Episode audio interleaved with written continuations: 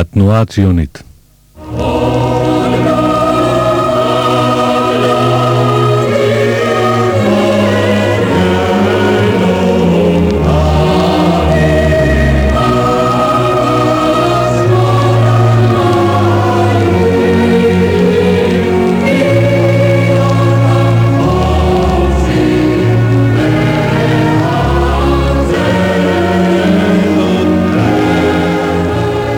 גלה עם ישראל מארצו, מעולם לא חדלו יהודי התפוצות להתפלל ולייחל ליום בו יוכלו לממש את חלומם לשיבת ציון. הם נתנו לכך ביטוי בהתלכדות בתנועות משיחיות שמנהיגיהן עוררו את המוני היהודים להאמין בגאולה הקרבה ולשובם לארץ ישראל. כל אירוע היסטורי שפקד את ארצות גלותם זכה לפרשנות המבוססת על אסמכתאות הלכתיות המרמזות כי אכן אלה פעמי המשיח הגואל. לצד האמונה בגאולה הקרבה הוקמו גם ארגונים יהודיים שעסקו בגיבוש רעיונות שונים שביטאו את חלומם, אולם מעולם לא העזו מנהיגי הארגונים הללו ומנהיגי הקהילות היהודיות לחשוב במונחים מעשיים, אלא במונחי חיבת ציון כחזון לאחרית הימים. במחצית השנייה של המאה ה-19 התפתחה באירופה אידיאולוגיה אנטישמית גלויה, שהאיצה את מצוקת היהודים. משפטו המביש של הקפטן היהודי אלפרד דרייפוס, שהואשם בבגידה בצרפת, היכה גלים בעולם כולו, והמחיש למנהיגי יהדות העולם את עוצמתה של שנאת היהודים. מצוקה זו העסיקה את המנהיגות היהודית והוגי דעות מרקעים ומרבדים שונים ביהדות כמו משה הס, לייב פינסקר, קלישר, אחד העם ואחרים. הם ניתחו את המצב במאמרים ובספרים שהופצו על ידם. כולם דגלו בחתירה למימוש רעיון הישות היהודית בארץ ישראל. רעיון זה יצר בקרב המוני יהודי התפוצות הרגשה והשראה כי החזון הוא בר השגה. במחצית המאה ה-19 כתב הסופר אברהם מפו כמה ספרים בנושא, ביניהם ספרו אהבת ציון, בו היטיב לתאר בשפה העברית את נופי הארץ, ובעיקר היטיב לדמיין חירות לאומית של העם היהודי בארצו. ספר זה תורגם לשפות שונות, ועד מהרה עורר את דמיונם של בני דורו בכל רחבי העולם היהודי כמקור השראה לציונות שבדרך. באותו זמן קם בפריס ארגון יהודי בינלאומי ששמו כל ישראל חברים, הידוע בשמו המקוצר כי"ח, או בצרפתית אליאנס. ארגון זה פעל להגן על זכויות היהודים בארצות גלותם, ובהמשך פעל רבות בתחום החינוך על ידי הקמת רשת בתי ספר יהודיים. בהם בית הספר החקלאי הראשון בארץ, מקווה ישראל, שהוקם בשנת 1870. בארץ החלו ניסיונות של צעירי היישוב הישן להקים יישובים חדשים, ביניהם פתח תקווה בשנת 1878 וגיא עוני לימים ראש פינה. ניסיונות ההתיישבות לא תמיד עלו יפה, היישובים ננטשו ונתחדשו רק בשנת 1884 בסיוע אנשי העלייה הראשונה.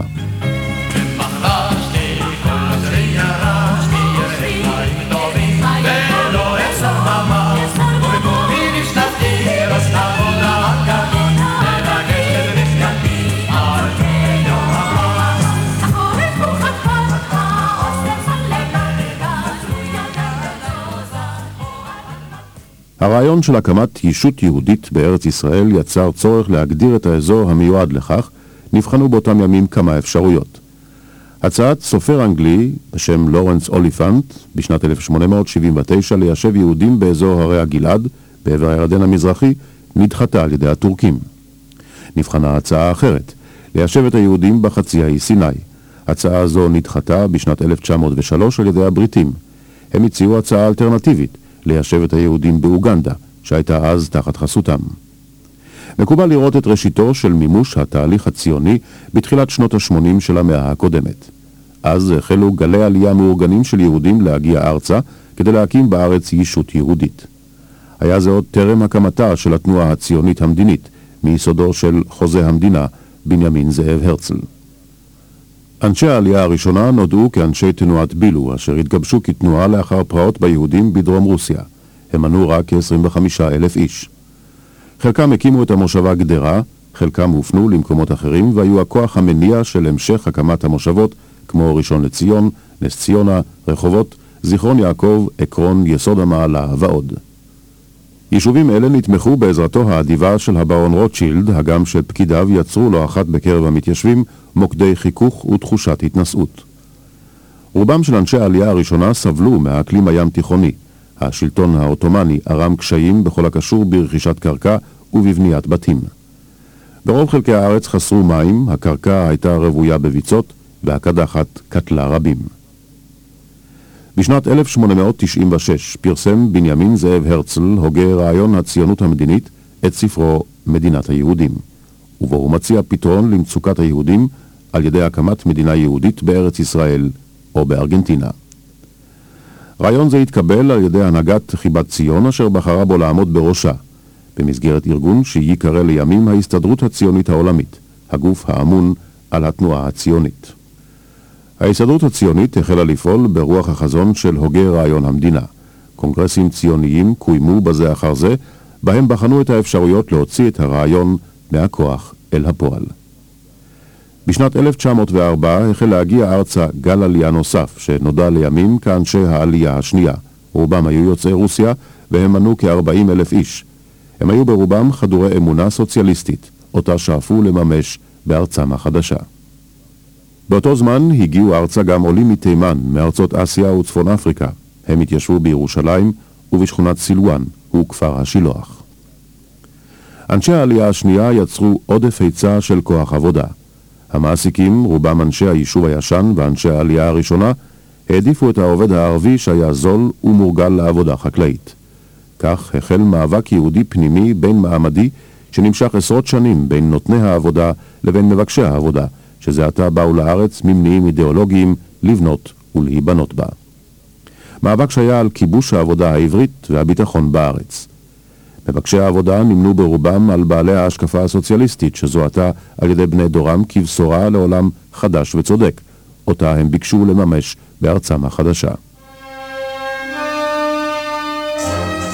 אנשי העלייה השנייה היו חדורי אמונה בהתמסדות לאומית הם הקימו את התשתית הארגונית בתחומים שונים כמו ארגון השומר, טיפוח השימוש בשפה העברית המתחדשת, יזמו פעילויות של חינוך ותרבות.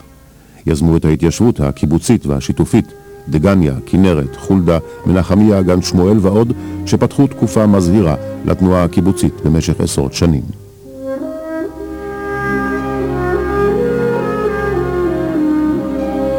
הם התיישבו גם במושבות שזה עתה קמו, תרמו לביסוסן ואף החלו לבנות את העיר העברית הראשונה, תל אביב, מצפון ליפו. מלחמת העולם הראשונה שפרצה ב-1914 יצרה נתק בין תושבי הארץ לבין ארצות המוצא שלהם, הן באשר ליכולת להמשיך ולארגן את המשך העלייה, והן באשר לקבלת סיוע כספי או סיוע קונסולרי אחר שהיו זקוקים לו. יתר על כן, יהודים נלחמו ביהודים במסגרת הצבאות בהם שרתו, מתוקף היותם אזרחי ארצות העימות.